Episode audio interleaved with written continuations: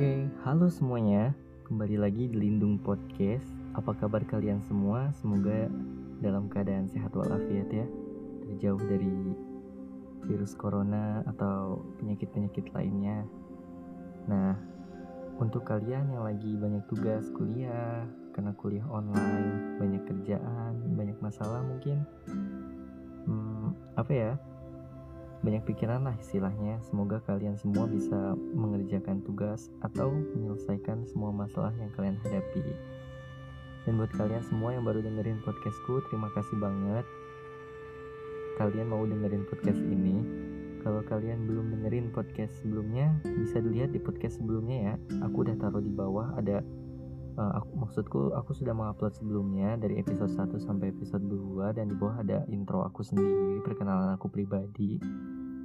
Lalu mungkin kalian ada yang bertanya, e, kenapa sih ini podcast galau semua? Nah, jadi ceritanya itu di season 1 ini aku bakal ngasih kalian itu season-season yang buat galau-galau ini berada di season 1. Nah, untuk season 2 nanti ke depannya aku bakal punya genre baru yaitu genre horror.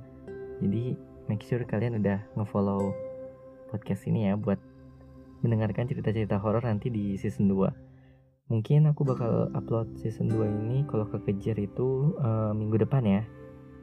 Moga aja minggu depan aku udah bisa ngupload season 2 sih Karena udah gak sabar banget nih uh, buat yang horor-horor.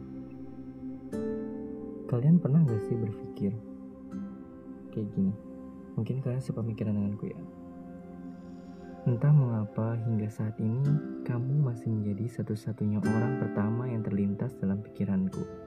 Manakala aku tengah bosan, jenuh, marah, bahagia, dan membutuhkan seseorang untuk mendengarkan ceritaku. Aku ingin berbagi rasa ini denganmu. Bosan yang kadang menghampiri keseharianku, aku ingin menekan tombol panggilan untuk sebentar mendengar lembut suaramu di ujung telepon.